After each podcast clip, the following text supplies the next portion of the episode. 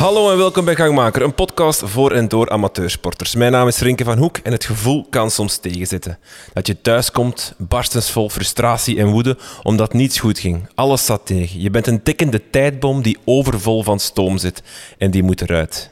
Voor velen is sporten dan het antwoord. Eerst nog woest die sportkleren aandoen, je loopschoenen alleen door de kamer zwieren omdat je die dubbele knoop van de vorige keren niet direct uitkrijgt.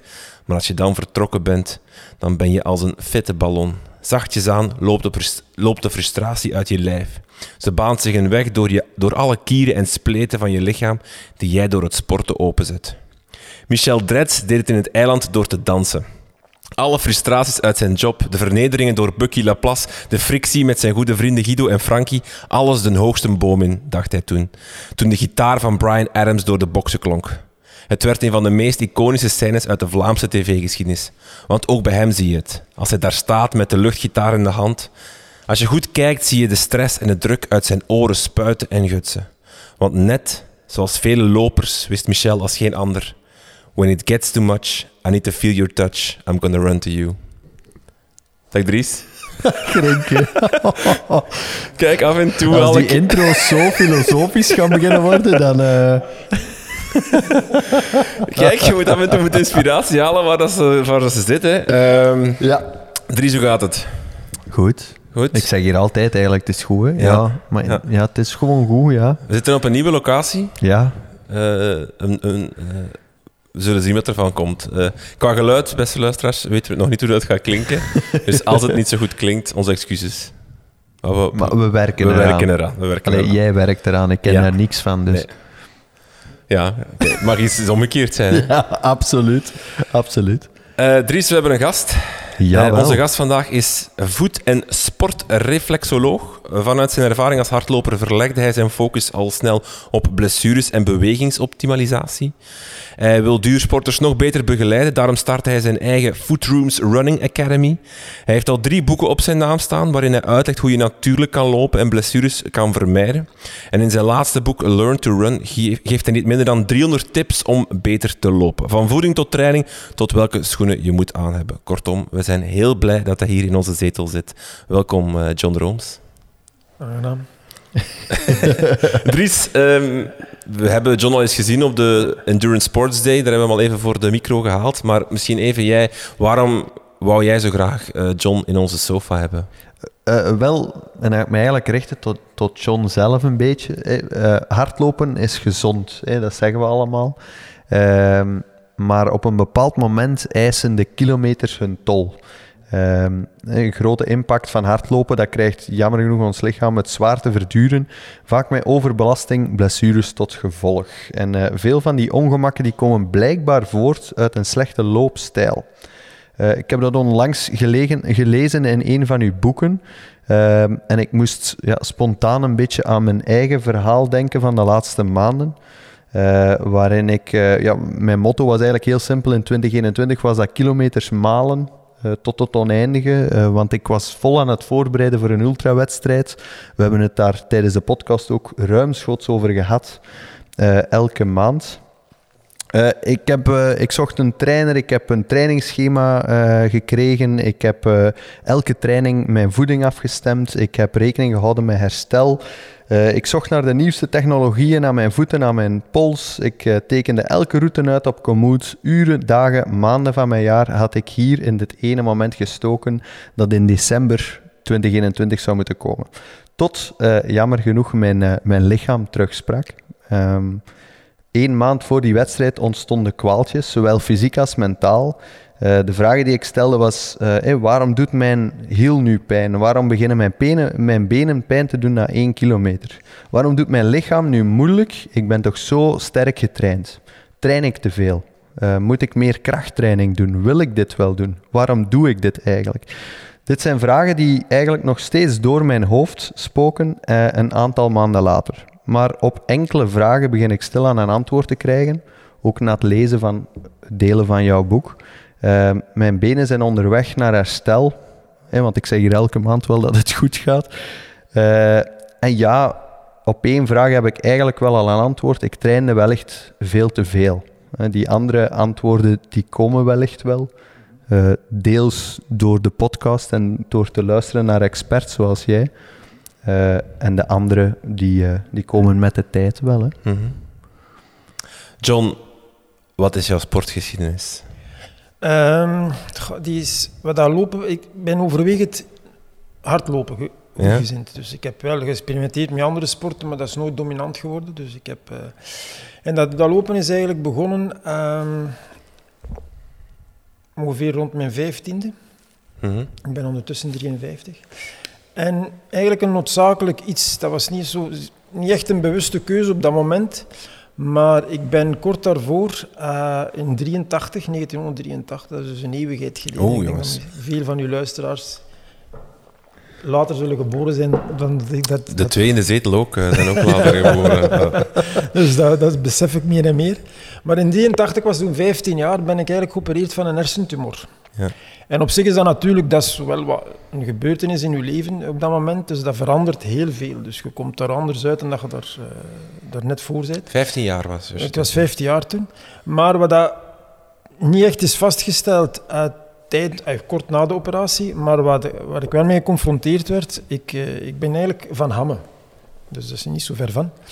En elke vriend die ik op dat moment had in Hamme, liep atletiek, dus hardlopen was eigenlijk heel populair. Dus dat was ook logisch voor mij van die sport ook te gaan doen. En ik was dat vergeten. Nu, is daar echt een direct verband met die operatie of niet? Dat laat ik in het midden. Er is wel wat hier en daar. Ja, als je in je hersenen eh, laat snijden, zal er wel ergens iets geraakt worden dat beter niet was geraakt geweest. Maar ik was dat dus vergeten. Dat was een wit blad. En op dat moment ben ik eigenlijk beginnen, eh, beginnen hardlopen. Met als doel eh, om mezelf wat terug aan te leren. Dus ik wist niet dat mijn linkerbeen moest zich gedragen aan mijn rechterbeen. Dus ik begon te kijken naar alles en iedereen. Hoe liepen zij? Kopieerde dingen. En zo is er geleidelijk aan bij mij een proces ontstaan. En zo ben ik eigenlijk in dat lopen geraakt. Dus, dat wacht. was eigenlijk een noodzakelijk iets. Op dat Dus moment. voor 15 jaar ben je vervent atletieker? Allee, atletiek. Nee, ik deed eigenlijk voor mijn 15 jaar... Ik heb wat gevoetbald, ik liep wel een beetje, maar ik deed eigenlijk geen sport. Ik was Ja. eigenlijk obese op dat moment. Als me nu ziet zitten, geloofde dat niet. Nee. Maar op dat moment was ik eigenlijk zwaarlijvig, ja. Dan komt die operatie ja. en dan kan je niet meer lopen. Dan dat was, ik was dat kwijt, ik was dat vergeten, dat was een wit blad. Dus op het moment dat ik loopschoenen aan die buiten stapte, loop, zoals iedereen dat eigenlijk, wist ik eigenlijk niet wat ik moest doen.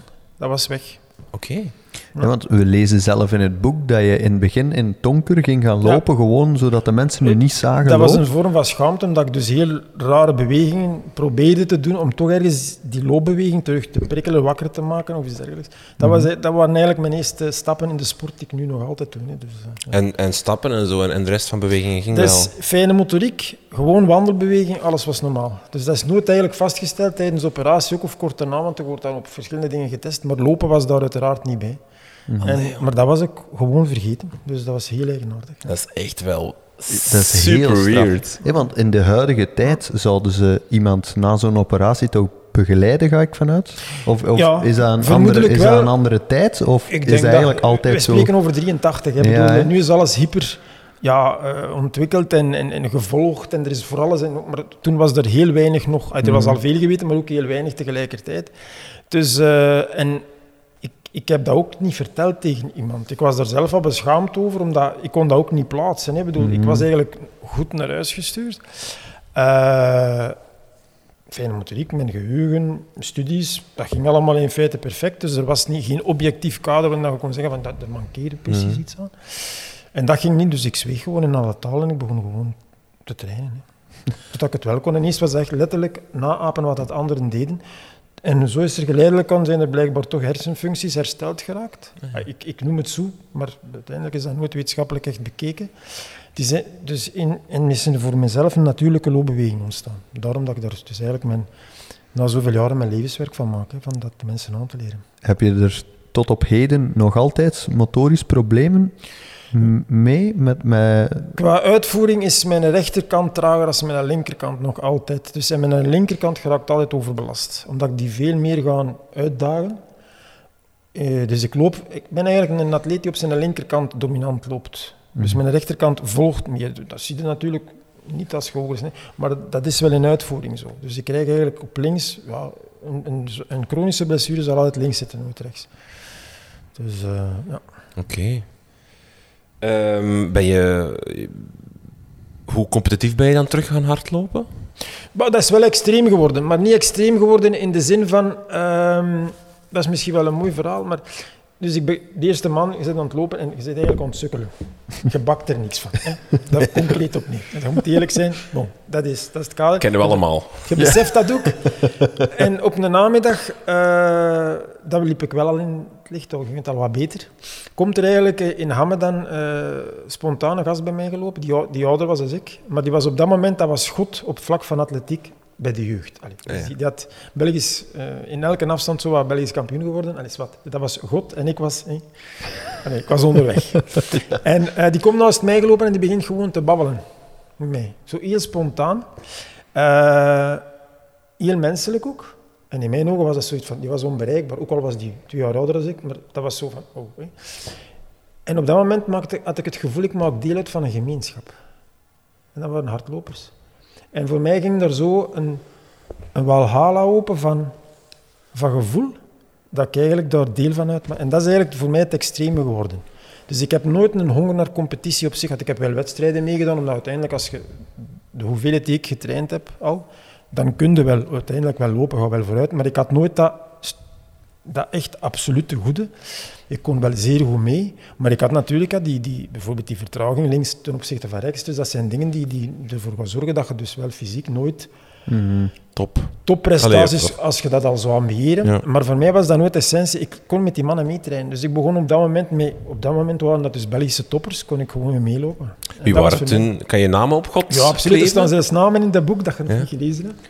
Ja, ja sorry, eh, luisteraars. Ik heb moeten Dus- bekennen dat ik dus één lang boek van de twee van, heb dus die mannen, een van die gasten die dus het verschil die toen gemaakt heeft voor mij en er echt voor gezorgd heeft dat ik nu in die zetel beland heb en dat ik er eigenlijk mijn levenswerk van gemaakt heb. Ik denk niet dat hem dat ooit zelf beseft heeft, dat is Gino van Geiten. Dus dat is, eh, die woont nu in het Gentse, maar die was toen van Hamme en die was op dat moment, ja, dat was goed. Hè. Dat was, eh, die zijn niveau was dan, nu nog altijd is dat een zeer goede eh, atleet, nog altijd. En eh, dus zo'n mannen maken op dat moment voor, voor recreatieve lopers als ik, die echt wel aan het ontdekken zijn, maken een immens verschil. Dus de impact van idolen, om het even zo te zeggen, Mhm. om te blijven verder doen, is wel heel groot. Hè. Dus, ja. Dus, Wat loop je nu nog? Eh, ik, ik train dagelijks. Ik ben dagelijks bezig met lopen. Dus dat is, ik doe oefening, eh, dat is eigenlijk 7 op 7. Dus, dat, is, dat is niet meer zo maniacaal, maar ik loop dus om de zoveel tijd wel nog een marathon. Meestal is dat met iemand mee. op het ritme van die persoon die ik begeleid. Dus dat is niet Ah, ja, echt met de, Dus de meeste van de atleten die ik echt begeleid, volwaardig met schema's, want het merendeel van de atleten adviseer ik eigenlijk technisch, omdat dat eigenlijk mijn hoofdzaak is. Maar atleten die ik dus eh, naar schema zet, dat zijn ofwel om onder de 4 uur te gaan of onder de 3 uur 30, zo'n dingen. Dat, zijn, eh, dat is echt meer eh, op Dus dat het is- niveau dat. Het is niet noodzakelijk meer om de prestatie, het is eerder de beleving die... De eh, beleving en het op een goede manier eigenlijk landen in die marathon, Mm. dat is eigenlijk voor mij heel belangrijk. Dus meer en meer zijn er een, aantal naar, op schuiven naar ultralopen, dus echt heel ver gaan. En voor mij is dat dan een statement van, kijk, ik wil die op een goede manier dat laten meemaken, dat ze beslagen ten ijs komen, om zo te zeggen, en dat ze veilig uit de meet bereiken. Hè. Dus dat, dat, is eigenlijk mijn, mijn hoofdbetrachting. En heb je nog persoonlijke doelen van, van ik wil een marathon zo Wel- lopen of ik wil die wedstrijd lopen? Of, of is dat dan echt afgestemd op wat dat je, jou, jouw leerlingen of, of allee, eh, mensen die je altijd. Ik- coach... Ik, ik, wil wel nog, ik ben nu 53, maar ik zou echt nog heel graag. Ik heb nog nooit een echt een goede marathon zelf gelopen. Dus ik heb er altijd, ik heb nu een viertal lopen, nog niet zo heel veel. Maar ik heb nog nooit echt een goede. Wat ik zelf van vind, van dat is nu een goede. En ik zou dus wel graag een keer een goede marathon lopen. Dat is En wat is een goede marathon? Ja? Dat is tussen de 3 uur en de 3 uur 15 voor mij. Ja. Ja. Dus, en normaal gezien moet dat wel lukken. Allee, als wat, dat is niet, maar ja, ik moet hem een keer aanzetten. Oké. Eh, Andere prioriteiten op dit moment. Ja, dus, Ehm, we vragen, als fietsers komen, vragen we altijd de mooiste dag op de fiets. Aan lopers vraag ik dan de mooiste dag al lopend. Want je, Ja. je kruipt nergens op. Maar Eh. wat was je, was je mooiste looptraining, loopdag, loopwedstrijd, Mijn loopmoment? mooiste moment eh, van in atletiek. Er zijn heel veel toffe momenten geweest, maar eigenlijk, de, de, de, de, dat is wel een heel extreem verhaal en dat is eigenlijk niet zo stichtend. Als je zegt, ik ben loopcoach en ik wil blessurevrij eh, lopen propageren. Maar dat was eigenlijk Amsterdam in 2015, mijn eerste marathon. Ik was toen eigenlijk licht geblesseerd, eh, geraakt in mijn voorbereiding. Ik had mijn voet omgeslagen in het Nachtegalenpark ehm, in Antwerpen. En ik, die voorbereiding was dus tamelijk gegaan, maar ik wist wel dat ik iets had. En ik, dat is er eigenlijk heel zwaar doorgekomen in die marathon. Maar heel extreem. Dus ik heb zelfs op blote voeten gelopen. Wat schoenen terug aan, schoenen uit. Van alles geprobeerd. Ik heb echt heel veel afgezien. Maar dat was voor mij zo, ja, op mentaal vlak, dermate een statement voor mezelf te bewijzen. Want eh, ik, moet er eerlijk over zijn. Uiteindelijk bij mij, wat speelt, ik heb eh, dus met die hersentumor, dat, ik draag, is- dat, dat is er altijd op de achtergrond aanwezig. Uiteindelijk, als je gaat opereren aan je hersenen, zeker wat in de tumor zat, was het risico zeer reëel dat ik motorisch gestoord ge- Mhm. ging zijn. Wat wisten ze niet, maar de kans bestond wel. Dus uiteindelijk, eh, achteraf bleek dan, ja, alles was wel oké, maar ik kon wel in mijn hoofd dan niet meer lopen. Dus dat is toch iets dat altijd voor mij zo op de achtergrond. Dus blessures, ik zal blijven doortrainen. Dat is niet stichtend, maar dat is wel iets dat ik, eh, dat ik altijd probeer te doen, gewoon om dat niet ergens niet toe te geven aan jezelf. Dus in, in Amsterdam eh, komt die blessure erdoor en ja, iedere normale mens zou op dat moment uitstappen, want echt mijn linkervoet op dat moment, dus de kant die altijd geblesseerd was, die bewoog bijna niet meer. Dus ik ben eigenlijk rechtsdominant beginnen lopen. Ik heb die marathon nog uitgelopen in drie uur, denk ik, drie uur 44. Ehm, op één been dan.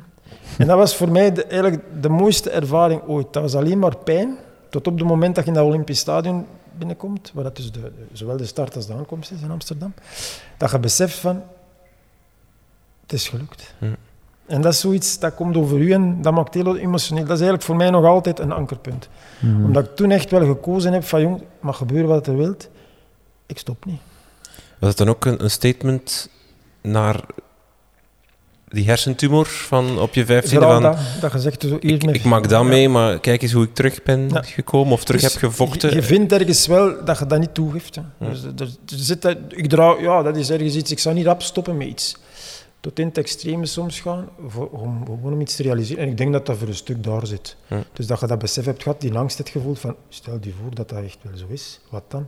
En je wilt absoluut bewijzen, elke dag opnieuw van, zie je wel dat het toch oké is? Dus, dus Mhm. ja, dat zit erin, hè. dat kun je niet. Daar kun je niet naast kijken. Hè. Ja. de, eh, de volgende stap ehm, die we eigenlijk die, die we dan zien, eh, of dat wordt in het boek verteld, is dat je, eh, dat je dan eigenlijk op zoek gaat naar allerlei informatie die je kan opdoen. Mm. Eh, je hebt verschillende bronnen vergeleken. Je hebt, je hebt er eigenlijk een werkbaar geheel van gemaakt Mhm, mhm. voor jezelf. Ja. Ehm, hoe ben je daartoe gekomen? Of, of kan je daar een deel toelichten van... eh, want ik kan mij voorstellen, als ik ga opzoeken... Ja, ik vind duizend en één boeken over looptechniek Ja. of over eh, blessurevrij lopen of hoe kan ik blessures vermijden. Hoe, hoe maak je daar voor jezelf een geheel van? Eh, ja, de vragen, bij elke recreatieve sporter komen de vragen. Mhm. natuurlijk kun je ergens, ja, nu, nu de sportspeciaalzaken, toen, toen ik eigenlijk zeer eh, intensief liep, was dat veel minder. Je moest echt veel dingen eh, zelf uitzoeken. En eh, ja, je moet dingen proberen. Manieren van trainen proberen voor jezelf. Werkt dat, werkt dat niet? Want er is geen ultieme methode. Niet voor, er is geen ultieme looptechniek. Het is, een, het is een gaandeweg een proces. En wat dat mij altijd heeft geholpen, dat is zeer goed luisteren naar mijn eigen lichaam. Dus hoe reageer ik daarop? Niet jij, niet jij, maar ik. Dus, Mhm. En dat, dat is soms heel confronterend, dat dus dingen die blijkbaar voor iedereen werken, zeker als je in een club traint, heb je vaak nogal binnen je groep de goeie en, en de minder goeie, of de die, die, aan het goed worden zijn. En vaak is degene die training geeft, dat is toch mijn ervaring, want ik heb ook in clubs gelopen, is bezig met degenen die goed zijn. En minder met degenen die zo wat trager lopen. En eigenlijk vind ik die het interessantst. Want vaak hebben die, als die blijven meetrainen, meer karakter dan die goeie. Die eigenlijk voor een stuk op, op, op, op, eh, op eh, talent aan het lopen zijn. Dus eh, dat is echt een zoektocht voor jezelf. En zo verzamel je dan een database aan werkbare tips die bij jezelf werken. Dat heb je met voeding, dat heb je ook met schoenen. Ook zo het wel halen van de schoenen. Dat heb je met trainingsmethodes. Dat heb je ja, met, zelfs met, met, eh, werkte met Polar, werkte met Garmin of, of werkte nog met Coros of whatever. Mhm. Wat werkt, waar voelt je best bij? Dus, en dat is echt een gaandeweg proces. En dat is bij iedereen toch een beetje individueel. Dus, eh, ja. En hoe ben je eigenlijk van het lopen zelf dan naar het reflexoloog eh, de- gedeelte gegaan? Of, of wat, heeft Wat is een reflexoloog? Ja, eigenlijk is dat eerst een belangrijke. Dat is waar. wat is reflexologie? Ik had het er net, wel- daarnet al gezegd, maar ik heb eigenlijk geen idee wat dat reflexologie is. is uiteindelijk... eh, de techniek zet eigenlijk druk op je lichaam Mhm. om een reflex uit te lokken. Dat is eigenlijk reflexologie. Dus ik, ik doe iets waardoor dat er een, een reactie in dat lichaam op kan komen. Op, op basis van je zenuwstelsel dat geprikkeld wordt. Het hamertje op de knie. En... Bijvoorbeeld. Ja. Dat, is dus, dat is eigenlijk een vorm van reflexologie. Dus je krijgt eigenlijk een, een, een reactie van je lichaam dat, dat je zelf aan het uitlokken bent. Dus bij voetreflexologie, wat ik in feite gespecialiseerd ben, zetten we dus in basis druk op zones op de voet, waardoor dat we eigenlijk het zenuwstelsel als dusdanig gaan stimuleren. En we merken dan dat daar bloeddoorstroming in bepaalde delen van je lichaam tot stand komt. Dat is, dat is geen genezende techniek op zich. Dat zorgt er alleen voor dat dus zones in je lichaam waar dat blokkades zijn, als je het even zo kunt omschrijven, beter doorbloed worden. Als er bloed naar, ergens naartoe komt, komt er meer zuurstof naartoe en een orgaan of weefsel kan eigenlijk zichzelf gaan herstellen als dat kan. Dus dat is eigenlijk in- heel simpel uitgelegd wat dat voetreflexologie doet. In Vlaanderen wordt die vooral gezien als een techniek om relaxatie te geven, om ontspanning te geven. Omdat weefsels eigenlijk, als die, een, een spier die na een wedstrijd gespannen staat, omdat je echt wel, hoe ontspannen die door daarop te beginnen drukken dat er doorbloeding komt. Dat is eigenlijk de essentie van wat wij doen. Mhm. En ik ben ge- geëvolueerd vooral van de pure voetreflexologie naar het sportgerelateerde gedeelte, de sportreflexologie, wat in wezen een, naam is die ik er zelf heb aangegeven, waarbij dat ik me concentreer op eh, blessures van voet, enkel en onderbeen. Met als doel om ook door het zetten van de juiste druk eigenlijk een beweging te optimaliseren of eventueel te veranderen, dat dus een, overbelast, een blessure die ontstaat door overbelasting of dergelijke, dat die eigenlijk verdwijnt. Dat is eigenlijk de idee erachter. Dus de techniek is pure reflexologie, alleen ik ga veel sterker anatomisch kijken op dat moment. Ja. Oké. Dat is reflexologie. Ja. Heb, eh, je, je verzamelt dan al die kennis, je, je, je ontdekt, je, je probeert, je, Ja. je, je, je eh, wordt specialist in, in, in die eh, reflexologie. Ehm, hoe kies je dan op een gegeven moment van dit wordt mijn methode? Ik, is er een John Romes methode? Ja, ik denk dat sportreflexologie wel in mijn hoofd ontstaan is. Ja. Ik denk dat dat echt uniek is. Dus ik ben de enige, durf dat zeggen, in Europa die op die manier denkt. Dus nu begin ik, ik onderwijs daar in Nederland in. Ik ben nu ook gestart hier in Hasselt, eh, in Vlaanderen. Dat eh, te onderwijzen, omdat dat eigenlijk een bepaalde kijk is die echt van puur vanuit de voetreflexologie vertrekt van methode van werken. Dus wij kijken echt naar belasting op uw voet, op spieren, dus een 20 spieren in uw voet, 11 in uw onderbeen, die je op een bepaalde manier als hardloper of wandelaar, maakt eigenlijk niet uit, sporter, gaat belasten. En dat kun je in evenwicht doen, mee hogerop of helemaal niet. En daar gaat het eigenlijk over. Dus dat is eigenlijk een methode die ik voor een heel groot stuk zelf heb ontwikkeld. Dus eh, er zijn er zijn een aantal werkboeken in de reflexologie waar bijvoorbeeld over hielspoor gepraat wordt, dus echt van die typische. Maar dat is heel sumier, maar dat heeft mij wel aan het denken gezet en was voor mij wel de openbaring om daar mijn levenswerk van te maken. Dat is dat toch ergens binnen een bepaalde techniek, zijn de voetreflexologie, al een keer aan de oppervlakte kwam. En ik maak dat nu natuurlijk. Ik probeer daar echt wel eh, zo ver mogelijk in te gaan om het op te lossen. Hè. Soms lukt dat, soms lukt dat niet natuurlijk. En daar is dan ook een, een, een academy uitgegroeid, de Food Rooms Running Academy. Dat, is, dat was eerst zo, ja, op vraag van een aantal Ik merk gewoon dat bij heel veel atleten hun eigen blessure lopen. Ik spreek uit ondervindingen. Ik bedoel, want ik kan wel als coach zeer strikt zijn, maar ik ben ook atleet dan op dat moment, dus dan heb ik ook mijn eigen... en Dan denk ik van, ik doe even verder. Dus, hè. Ehm, dus je loopt voor een heel groot stuk je eigen blessures. Ik spreek hier nu niet over een trauma of over een scheur omdat je ergens eh, een voetpad niet gezien hebt en je hebt je voet, zo die dingen. Maar effectief, als je dus constant bepaalde trainingstrajecten doet op dezelfde manier, dezelfde richting en dergelijke, kan dat zijn dat er onbalansen ontstaan. Dus als je dat hebt, eh, dan moet je eigenlijk kijken op de manier waarop dat je beweegt of zijt gaan bewegen. En dan heb ik gezien van, kijk, er zijn een aantal basisaccenten, bijvoorbeeld, wat doe je met je armen? De meeste doen van alles met hun armen, maar niet wat dat ze moeten doen met hun armen. Snap je? Knieën, ja of nee? Als je knieën tilt, hoe hoog die? Zo'n dingen. Dus dat zijn ankerpunten. En dan ben ik eigenlijk jaren geleden gewoon aan klanten van mij trainingen beginnen geven om dat over te brengen. En dat is eigenlijk een, geëvolueerd tot een verhaal dat ik zeg van ik moet dat echt onder een, een, een, een noemer brengen. Dat is dan Footrooms Running Academy geworden. En ik geef heel veel loopclinics en ik begeleid dan eigenlijk een steeds groter wordende groep atleten. Hè. Dus, eh, Herinner je je nog altijd de eerste behandeling dat je ooit gedaan hebt? Ik bedoel maar, ik kan mij voorstellen, als ik iemand... hé, ik wil iemand helpen die een blessure of die een kwaaltje heeft. En, eh, en ik creëer heel mijn eigen, mijn eigen idee over alle wetenschappelijke methodes. De eerste keer dat dat werkt, dat moet toch, dat moet toch een, een gevoel geven van... Wow, shit. ik heb echt... ik heb- Ja, dat is, dat is een fijn gevoel. Maar soms zit het in, in hele eenvoudige dingen. En Mhm. ik, ik kan me nu niet direct voor de geest halen wie was die persoon, maar dat gaat niet heel simpel geweest zijn. Waar dat je niet aan denkt Ja. als je daarmee bezig bent. Bijvoorbeeld, om een stom voorbeeld te geven, en het is heel frappant. ehm, ik krijg heel veel de vraag van recreatieve lopers. Ik kan precies niet rapper lopen. Gelijk wat ik doe, ik, doe ik, mijn, ik, doe ik, ik heb een schema van een trainer gekregen, ik doe ik mijn intervalletjes, ik doe ik dit, ik doe ik dat, maar ik kan precies niet rapper. En op dat moment kijk ik naar de, de flexie van de grote teen. Als die niet plooit, kun je niet rapper. Echt waar, dat loopt terecht. Eh, Bill Bauman in, eh, heeft in 1969 een boek geschreven. Dat is eh, medeoprichter van... Toen was dat de Blue Ribbon Company, ondertussen noemen ze dat Nike. Ehm, dus die man schrijft een boek en die noemt jogging. En daar beschrijft hij dus die manier van lopen. En dat is ook logisch, wij zitten veel te veel. Ja, we zitten in de zetel, een auto, aan tafel, whatever. Dus je stijft sowieso op. Dus je spieren worden gewoon nu eenmaal stijver. En een van die, die dingen die je ook waarneemt, omdat we nogal heel star schoeisel dragen, dat is ook dat onze teenstructuur begint op te stijven. Dus als je al wat aanleg hebt om, om, om- minder soepele gewrichten te hebben, is vooral je grote teen nogal een keer onderleven. Die zit ook vaak knellend schoeisel, dus die zit helemaal niet bewegingsvrij, dus die stijft gewoon op. Dus die wordt alleen maar stijver. Dus als je aanleg hebt om stijve gewrichten te hebben, je draagt dan wat stijver, smaller schoeisel, stijft die nog meer op.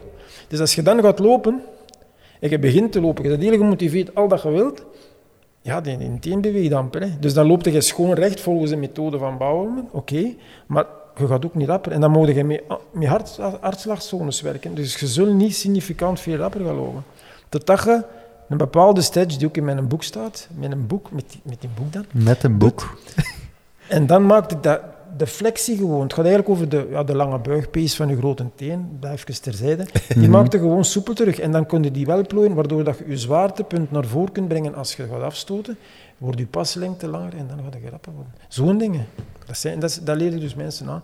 En zo, zo'n behandeling gaat dat geweest zijn. Zo. Mhm. Ja, Ik ben met die oefening, John, eh, bij de kinesist, eh, echt letterlijk met uw boek. Ja. Ik, heb, ik heb gezegd, kijk, ik doe deze oefening, mag dat ook? Ja. Want ik zat met mijn blessure. En die, die was naar mij aan het kijken. Ah ja, ja, ja, dat is eigenlijk nog wel goed.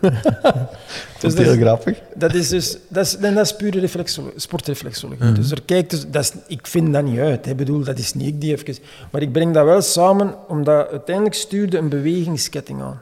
Die je fundamenteel gebruikt om je loopbeweging te optimaliseren. En daar breng ik atleten naartoe. En daar zijn eigenlijk al mijn trainingen op gericht. Hè. Dus op dat, op dat tot stand te brengen.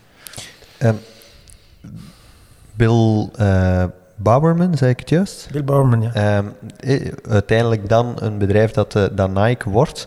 Ehm, er komt in uw boek een deel over eh hardlopen misverstanden. Mhm. Ehm Eén daarvan is, we zijn geboren om te lopen. Mhm. Eh, Een aantal vaststellingen die daarin staan is dat we blijkbaar gemiddeld gezien meer en meer trager lopen eigenlijk. Allee, buiten dan de toppers. Ja. Ehm, maar ik vind het verhaal van Nike wel een heel interessante. Ehm, ja, enerzijds het verhaal van Nike en anderzijds heeft dat echt wel iets met loopschoenen te maken. Mhm, mhm. Wa- Wat loopt er fout met de huidige, ehm, het, hoe zeg ik het juist, het commercieel landschap van de loopschoen? Mhm. Op dit moment zit dat een beetje scheef voor wat dat mensen echt nodig hebben, of zeg ik het op die manier fout? Ik weet dat een gevaarlijke vraag is. Het is, het, is, het is een pittige invalshoek, want uiteindelijk, allee, ik probeer er altijd zo wat vanaf te maken, Ja, ik zeg ja, dus eigenlijk slechte loopschoenen. Nee, nee. Dus op zich zijn, zijn alleen maar minder optimale keuzes. En daar ben ik echt oprecht eerlijk in. Mhm. Ehm, nu, je hebt... Ja, uiteindelijk is dat een markt. Nu, als je gewoon even naar de historiek van de schoenen gaat kijken, op dit moment, wie dat, hier beluistert, er zullen er nu een aantal zeggen, oh, je gaat er weer over beginnen. Gewoon, maar dat is dan de laatste ik, keer ik dat ik dat vraag dus het, doe. Ik vraag het u, John, omdat ik het... eh, ik, ik heb het verhaal nogal gehoord Ja. en niet alleen van u. Ja. Dus dat wil zeggen, allee, of dat vind ik altijd wel, als ik een verhaal meerdere keren hoor, dan, zit dan Ja. is er wel iets van waar. hè, en dan mag het nog discutabel zijn, maar... Als je, als je gewoon naar de, de, de, de, de evolutie van de loopschoen kijkt, dus voor 69, letterlijk voor 69, oké, er waren al een paar bedrijven bezig, maar dat, was, dat is echt dominant geworden met Nike en die hebben de Cortez uitgebracht. Dus dat was een eerste schoen die anders was dan de andere schoen. Die was iets gedempender, dat is gekomen en er is een evolutie. Iedereen zag dat dat succesvol was in die markt en iedereen dacht van, ja, dat is de norm, hè. we moeten dat doen. Hè. Dat is uiteindelijk trouwens de Pegasus ook geworden, zeker? Hè? De Pegasus was er ook Ja, zo'n schoen bij, dus de Air Max'en zijn dan ook gekomen, heel die generatie, dus die zaten er allemaal tussen. Dus, maar dat begon in 69. Dus, en dan kreeg je eigenlijk, en dat is een, dus eigenlijk Bowerman die had een visie om mensen aan het lopen te krijgen. Op zich nobel. En die had ook inzicht van, tja, wij zijn opgestijfd toen al. Dus, en als We je stijver zit, bijvoorbeeld, je kuiten zijn stijver geworden, dan is het ook ergens logisch dat je gaat denken van, potverdorie, de kans dat iemand mooi rechtop loopt, dat beschrijft hij ook eens in een boek zo, mooi rechtop loopt, gaat hij ook minder dominant zijn kuiten gebruiken en is het misschien nuttig dat ik daar een verhoging onder breng. Dat is de hieldrop geworden. Maar dat was mij als doel, ik wil een grote groep mensen in die joggingrage meenemen en laten lopen. En dat is natuurlijk zo dominant geworden dat iedereen er begon mee te lopen met dat type schoen. Maar er waren heel veel mensen, zeker de, de, de wedstrijdloper en de meer gemotiveerde lopers, dat zie je zelfs nu ook, die eigenlijk op een heel natuurlijke manier een afwikkeling hadden. Want voor 69 had je dat niet. Dus er werd ook niet zoveel op de weg gelopen. Dat was meer echt wedstrijdgerelateerd, op een piste of op een afgesloten omloop. Die liepen allemaal met platte schoenen. Hè. Dat ziet je niet. Dus dat is pas dan gekomen. En dat is natuurlijk ergens commercieel interessant geworden. Dan zijn ze kort daarna met demping begonnen, met air. En dat is dan ook een evolutie geworden. En dat is altijd maar verder gegaan, waardoor dat dus- dus nu de demping ehm, eigenlijk zo wat een vaste standaard geworden is in die mate dat al die fabrikanten nu carbon beginnen in te bouwen om die schoen wat harder te maken. Nu, ze gebruiken dan die demping eigenlijk als een soort pompsysteem dat eigenlijk 4% winst zou geven. Nu, misschien dat ik nu wat te snel ga met een uitleg, maar eigenlijk is dat wat er gebeurt. Ze maken hun eigen schoenen terug harder en ze proberen het vermogen tot, elastische terugslag, die eigenlijk in je lichaam aanwezig is. Als je gewoon op blote voeten zou lopen, wat ik nu niet... Ik ga niet prediken dat je op blote voeten moet lopen, dat, is niet wat ik zeg. Maar moesten wij dat nog kunnen, hm, dan heb je dat vermogen vanuit je pezen, je achillespees, je plantaire fascia. Dus je landt, je zakt door je knie. Op dat moment spande alles in feite op. Je voet wordt keihard, je komt naar voren en die geeft die energie terug. Dat noemen ze propulsie. Dat doet je van nature. Naarmate dat je met zachte schoenen loopt, ja, en tenzij is om heel zacht te gaan, neem je dat, dat vermogen weg, want je, je landt, maar je lichaam kan niet beginnen... Ja, je kunt door de knie zakken, maar je zakt uit maar dieper in die zool weg. Dus dat vermogen van propulsie, dus van die, die, die energie om te zetten in stuwende kracht, verlies je meer en meer. Dat is eigenlijk de, een, van de redenen voor mij om te zeggen in dat boek van kijk, recreatieve lopers met dat type schoen, in en masse, lopen eigenlijk trager, enkel en alleen omdat ze het, het rendement dat je in wezen zou moeten ontwikkelen, omdat je daarvoor traint, verlies je met het schoeisel dat je draagt, dat te dempend is. En dat hebben de fabrikanten eigenlijk ook een beetje ingezien, omdat ze die harder aan het maken zijn. Ze gaan natuurlijk niet van dat model afstappen, want dat is gans een, een commercieel eh, verhaal eh, ja, is, is weg. En nu proberen ze dus die, die harder te maken met daar carbon in te steken. Hè. Dus waardoor dat ze dus die demping als het ware gaan gebruiken om het vermogen dat we kwijt zijn geraakt te gaan compenseren. Dat is carbon geworden. En die demping, heeft die ook geen nut voor bijvoorbeeld impact op knieën? Of Dat is op zich niet slecht, Ja. alleen men is daarmee gaan overdrijven. Mensen lopen in zetels. Dus ik had gisteravond nog bij mij iemand om te komen testen. En die heeft een bepaald zeer dempend model aangereikt gekregen. Nu, ik kan de logica volgen van degene die daar advies op geeft. Die ziet dat, die kijkt naar... Ik denk niet dat die fysiek die voeten geobserveerd heeft, zoals ik dat doe, maar bon. Maar die ziet die wel bewegen. En die heeft een manier om nu te bewegen heel veel schok te creëren. Maar dat heeft te maken met de structuur van zijn enkels. Nu, als ik u dan, dan zijn er twee pistes. Je kunt ofwel kunnen zeggen, ja, ik geef u een dempende schoen, dat voelt dat comfortabel. En inderdaad, als hij erop wandelt, zegt hij, oh, dat is een zaligheid. Maar als je loopt, landen met vijf keer je lichaamsgewicht op die schoen. Dus je drukt die zool in. Dat geeft dan een vals gevoel van veiligheid op dat moment. Als je al een, een probleem hebt in mijn ogen, zijn er dus die enkel die begint naar binnen te komen. Dus dat eigenlijk je voet begint als het ware dus naar buiten te gaan, dat dus je enkel eigenlijk zweeft.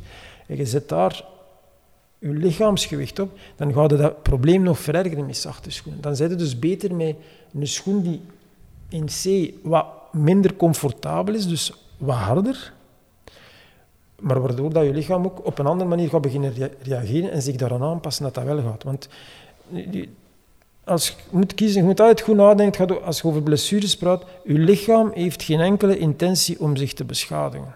Dat is echt een dogma waar ik mee werk. Onze geest wel. Jij kunt tegen jezelf zeggen, bijvoorbeeld, hè, je wil ultra gaan, je wilt dat afdwingen. Je zegt van, ik moet dat hier binnen een jaar kunnen, of binnen twee jaar kunnen, of ik moet een marathon binnen zes maanden kunnen. Dat is hier. Dat is niet je lichaam. Moest je lichaam laten doen en je evolueert naar die marathon. Op ritme van je lichaam zou er veel langer over. Dus je lichaam op zich, als je daar gewoon naar luistert, ga je eigenlijk Ja. geen fouten maken. Maar als is je pijn de- hebt of je bent moe, dan voelt het aan je lichaam ja, eigenlijk. Dus dan laat je dat in, in, in geoptimaliseerd. Dat heb je ook als je op blote voeten op een minimalistische schoen of mee- op, op andere manier traint en je accepteert het proces van aanpassing van je lichaam, ga je geen probleem mee hebben. Maar het is maar op het moment dat we het moeten, het moet. Ja. We moeten voor die of die reden, Mhm. whatever. Of, dan, dan gebeuren de ongelukken. Dat is echt te, te prestatiegerichtelijke kijk. En dat zie je bij heel veel, echt ook wel recreatieve lopers, want marathonlopen is natuurlijk iets, iets, iets, iets dat hot is. Nu is het eigenlijk de nieuwe marathon in mijn ogen is 100 kilometer aan het worden. Dat staat bij veel mensen gewoon, eh, bij veel mensen staat dat gewoon op de bucketlist. Hè. Ik Mhm. moet een marathon gelopen Ja, hebben. ja. Is het dan, sorry, is het dan een, een, ehm, een foute veronderstelling dat, eh, dat je meer demping nodig hebt omdat je een langere afstand gaat doen? Of zeg jij, nee, het is eigenlijk eerder gewoon naar je, naar je eigen lichaam luisteren en voelen, oké, nu ben ik klaar om langere afstanden af te leggen, ongeacht Wel, ik de denk- schoen. Ik denk dat demping, ehm, de misvatting die veel eh, recreatieve lopers maken, is in feite als je loopt, is het niet voldoende dat je alleen maar loopt. Bijvoorbeeld, ik heb nu het plezier om een aantal topatleten wat beter te kennen. En als je praat over de oefeningen in mijn boek en zo, die kennen die allemaal. Die doen die ook. Dat zijn een totaal ander verhaal. Een recreatieve loper ziet niet dat die topatleet die oefeningen aan het doen is. Mhm. Die ziet alleen die topatleet lopen met die schoenen. Dus als je een bepaald, ik ga nu geen merken noemen, want dan krijg je zo van, ik, ik loop zelf met 15 verschillende schoensoorten. Dus ik, zal, ik ben heel open. En ik breek die ook niet af. Maar je moet je bewust zijn van het feit, als jij comfortabel vindt om met dempende schoenen je lange afstanden te doen. Bijvoorbeeld, je loopt op asfalt en je wilt 100 kilometer lopen. En je doet dat met bepaald dempend lopen. Dat is oké. Maar je moet je bewust zijn van het feit, als je enkel dat gaat doen, en geen bijkomende oefeningen om je voetstructuur, je voetbogen te versterken, dan gaan die verzwakken. Punt. Want die hebben eigenlijk geen enkele weerstand meer. Dus je voet is gemaakt om hard te werken, niet om zacht te zijn. Hm. Nu, ik kan begrijpen als je zegt, ik moet 100 kilometer lopen, mijn voeten gaan wat pijn doen, ik wil dat wat voorkomen, oké. Dan gaat een zachter model leuker vinden. Hm. Maar dan moet je wel beseffen van het feit dat je voet aan het verzwakken is. Punt. Maar Ja, maar als ik het dan goed begrijp, wat dat fabrikanten eigenlijk doen is, is mensen een schoen aangeven die hen comfortabel maakt of hem doet omgaan met een bepaalde, ja, blessure is misschien niet het woord, maar een bepaald mankement aan hun voeten, bijvoorbeeld zwakke enkels, dus ze geven daarmee ondersteuning. Ehm, maar ze lossen eigenlijk het, het probleem dat je hebt, zwakke enkels of, of, of zwakke knieën of, of, of, of onflexibele voeten, lossen ze niet op. Ze zorgen er, dat je ermee kunt lopen. Er zijn twee En- invalshoeken natuurlijk. Als je bij een dokter gaat, die gaat eh, je hebt pijn, die gaat zorgen dat je geen pijn meer hebt. Hè. Ja, ja, op Dat zich de zorgt de, schoen ervoor dat je Is- geen pijn meer hebt. Maar is het een- Ze kunnen dat adviseren en dat is waar ik over babbel. En ik denk dat er ook veel van die, van die speciaalzaken al open verstaan. Dat ze zeggen van ja, het ook beter dat je een keer ergens... Want er zijn heel veel van die mannen die ook beginnen met loopclinics te geven en toe, om awareness te geven naar spierversterkende oefeningen. Dus die beweging is wel bezig. Maar natuurlijk, je hebt een stand van zaken. Je een atleet die heeft pijn en die zegt tegen u, kijk, ik wil een schoen hebben. Ah, Er zijn twee, twee richtingen. Ik wil een schoen, ik wil pijnvrij lopen. Dan gaat hij je dat geven. En aan de andere kant, de klant is nog altijd koning. De meeste stappen een winkel binnen. Mhm. Hij moet comfortabel zijn, de schoen. En hij moet liefst een goede kleur hebben. ja. Ja, dat is wel echt belangrijk, hè, John. Je kunt niet meer van Ja, die voilà, dat is de lelijke schoenen allee, ik- door, door ik de ben op dat lopen. moment commerçant, dus wat ga ik doen? Ja. Dat is Nee. de logica der dingen. Dus de klant is op dat moment dat degene die beslist. Maar in een ideaal scenario, stel ik wil 100 kilometer lopen op asfalt. Ja. Loop ik dan niet op dempende schoenen? Heb ik dan zo goed getrainde voeten door die extra oefeningen die jij zegt, door, door daar gewoon rond te werken, dat ik eigenlijk op, wij spreken, heel eh, harde schoenen loop of zo? Zodat ik eigenlijk Maar mijn het- het volledige... Het valt mij op, de, ik, ik werk ik samen met, met Newton Running, hè, dus eh, dat, Ja. dat weten. Dus, en Newton heeft een aantal ultra-atleten onder contract staan. Dus echt gasten die ja, 100 mijl lopen, die dingen, dus echt heel extreem gaan. En die lopen dus met, dat zijn allemaal schoenen met 2,5 of 3 mm drop, met amper dempingen, dus die doen dat.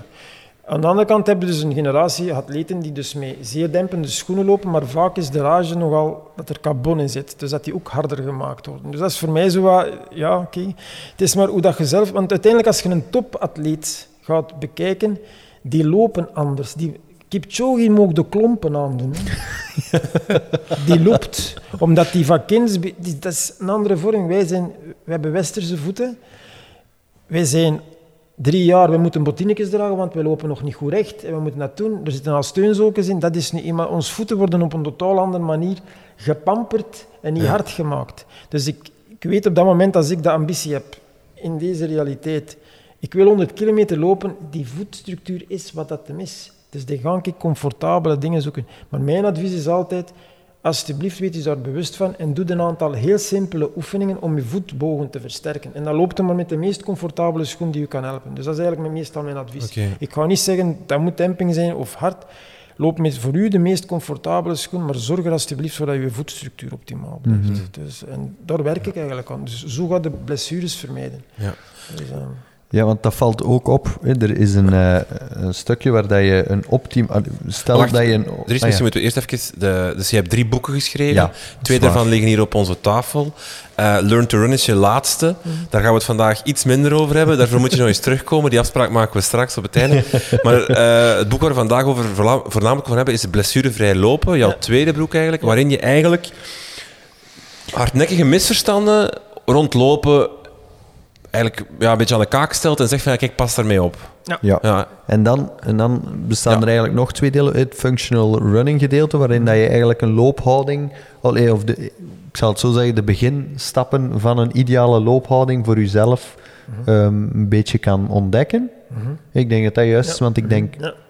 dat, eh, dat het boek u heel goed op weg helpt, maar ik denk als je echt nog verder wilt gaan, dat je best een expert gaat, Ja. gaat op. allee, ik denk dat dat zo is. Ja. En dan het deel 3, en daar hebben we het eigenlijk nu net over gehad, is blessurepreventie, waarin, en ik moet het toegeven, een aantal oefeningen staan en ik gebruik er een aantal echt zelf op dit moment. Dus eh, Ja. echt handig. Misschien moeten we even in die misverstanden Ja, duiken. is goed. Eén voor één. Ehm, Ja, je hebt er net al eentje gezegd, hè. we zijn geboren om te lopen. Waarom is dat een misverstand? Waarom is dat niet zo dan? Ehm, Of is het wel zo? Ja, ik, ik, omdat ik aan de ene kant ehm, zeer veel zie bij mensen dat we, zijn de natuurlijk, we hebben een natuurlijke manier van lopen. Een Mhm. natuurlijke loopbeweging, maar je bent die kwijt. Een kind, als je dat ziet lopen, dat heeft een natuurlijke loopbeweging. Mhm. En dat zet ene stap in de school, en dat gaat naar de turnles. En daar wordt hem aangeleerd, zet je hiel, rol naar voren en strap af van je grote teen. Dus je moet direct onnatuurlijk leren lopen. Dus, eh Is- dat- ja. Sorry. Ja, is er een manier hoe dat je je kind... Hoe, hoe dat je dat kan tegenhouden? Hoe, kan je, hoe dat je ervoor kan zorgen dat je kind dat toch blijft behouden? Ja, eh, er zijn mensen die daarin slagen. Ja, best u er niet mee moeien. Laat hem doen gewoon. dat, is, dat is de grootste ding. Dus, omdat een kind dat kan blijven lopen als je dat observeert. Maar Ja. misschien even... Dus onnatuurlijk is hiel zetten, naar voren en afrollen. de- nu, of, of, die, of de, de... manier waarop dat je eigenlijk je hiel zet is niet belangrijk. Alleen, wij hebben de neiging om het er dat van te maken.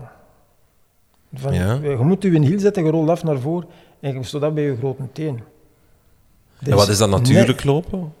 Je zet je voeten gewoon neer op een bepaalde manier. Dit vind ik echt het beste antwoord ooit.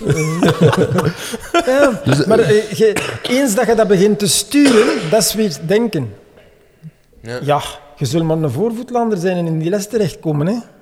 Maar loop jij dan natuurlijk? Want jij bent iemand die eigenlijk op heel late leeftijd heel letterlijk bent moet beginnen nadenken. Hoe ga ik lopen? Eh, en dan toch echt zo van, oké, misschien eerst de Ik ben echt gaan, ik, ik, ben, eh, ik, ik ga lang mee en ik zat vroeger ook in, je moet je in hiel zetten en ik kocht ook die schoenen en dat was de dingen.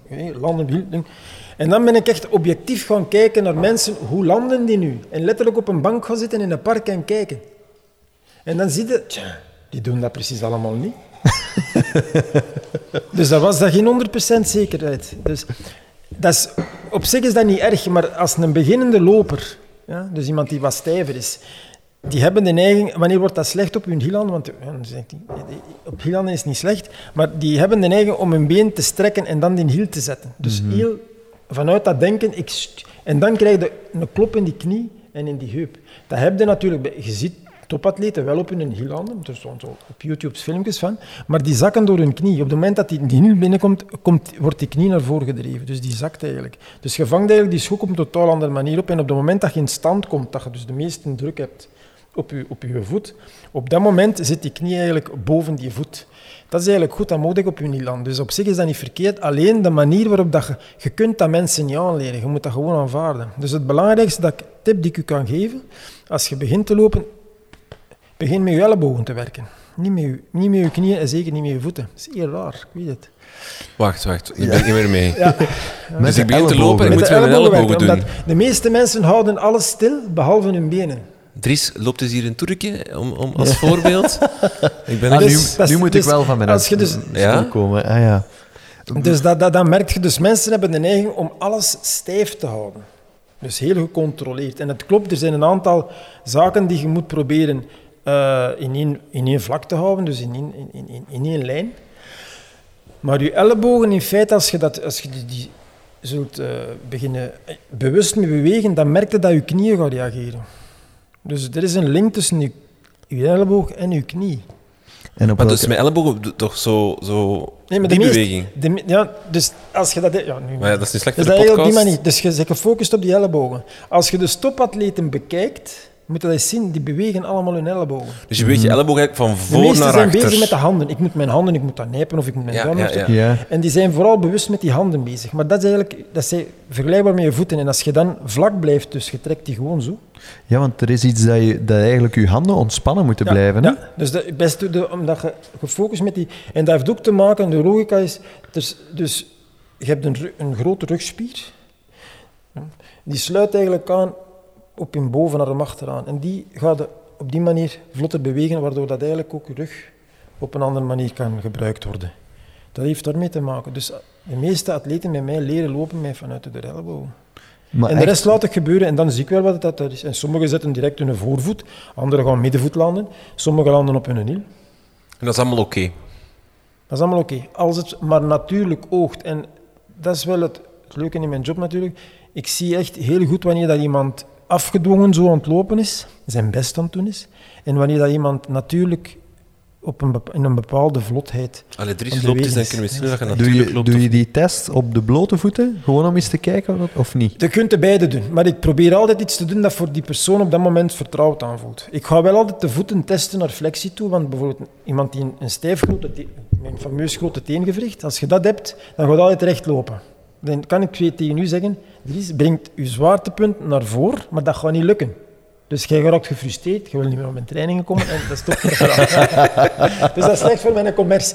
Maar dus op dat moment moet je dus, je moet gewoon een aantal flexiepunten kennen. Dat doe ik wel in de voeten. Maar op zich, die looptesten moeten nooit op je blote voet. Dat doe je met het schoeisel dat je op dat moment ter beschikking hebt. Waar dat ik dan wel commentaar op ga hebben en je kansen op. Want ik kan me goed voorstellen ja, dat je daar komt, hè, dat, je, dat je die eerste inleiding doet en dan hè, doe eens. En dat, dat je direct tegen die persoon moet zeggen, je hebt geen goede schoenen aan.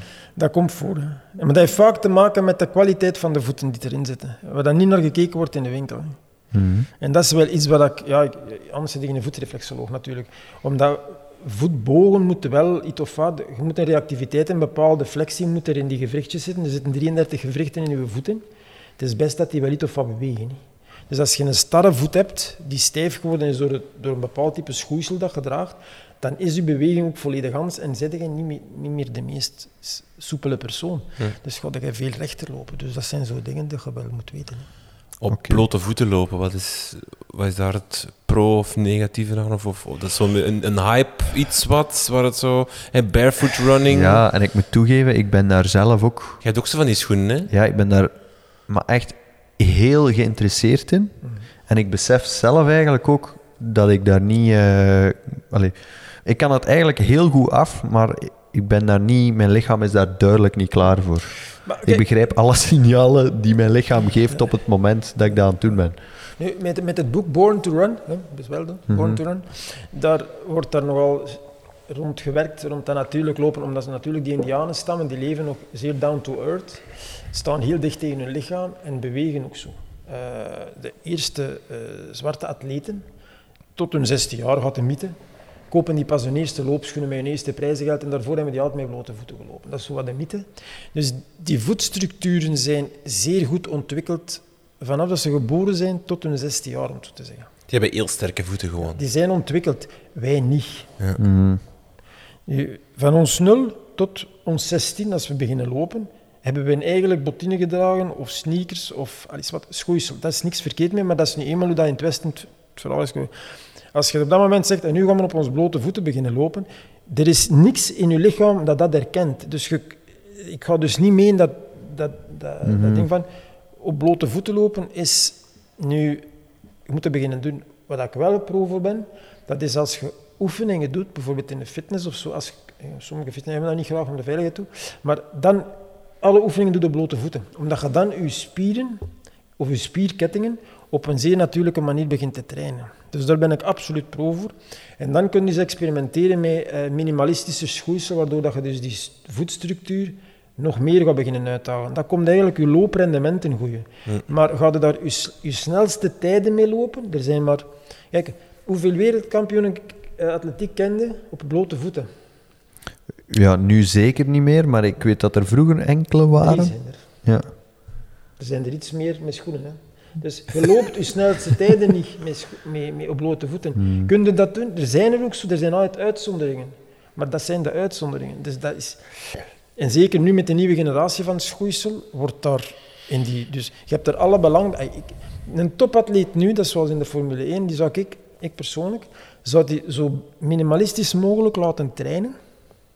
En op het moment van zijn wedstrijden zou ik er carbon onder steken.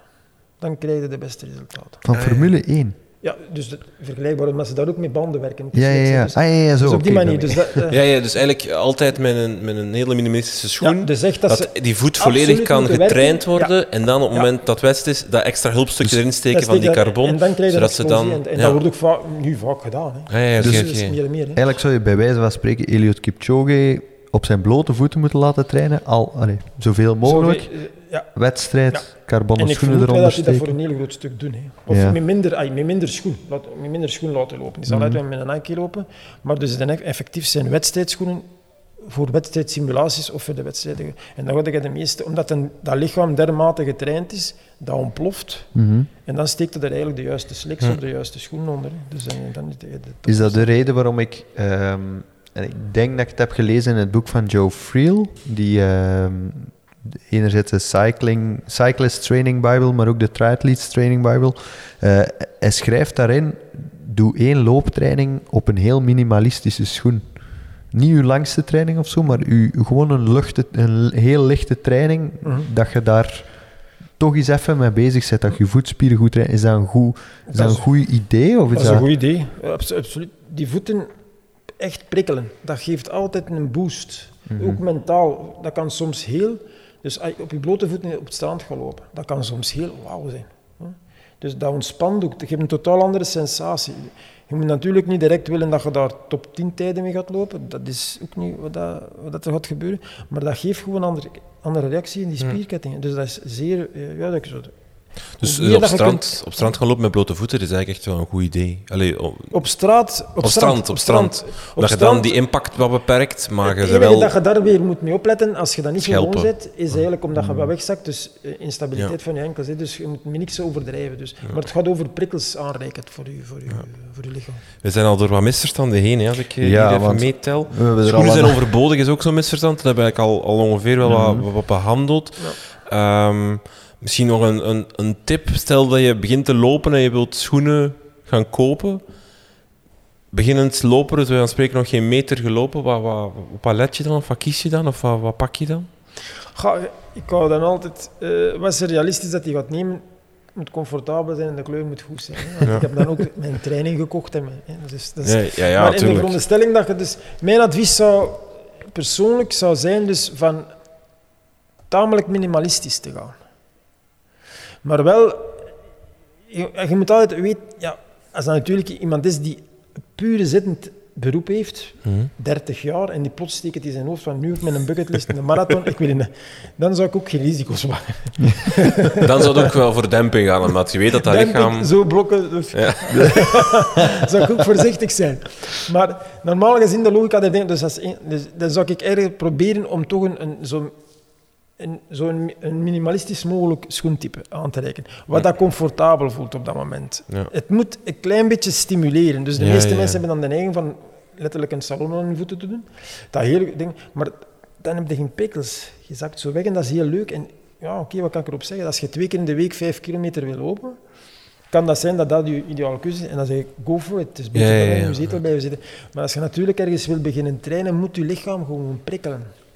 En dan is ook het schoeisel dat je draagt en de voeten. Want je moet je beseffen, dus het- in feite zijn er 33 spieren, eh, sorry, 31 spieren, die elke voet aansturen. Dat is procentueel gezien in je lichaam vrij veel om gewoon een voet te bewegen. Dus 31 spieren die dat ding doen functioneren.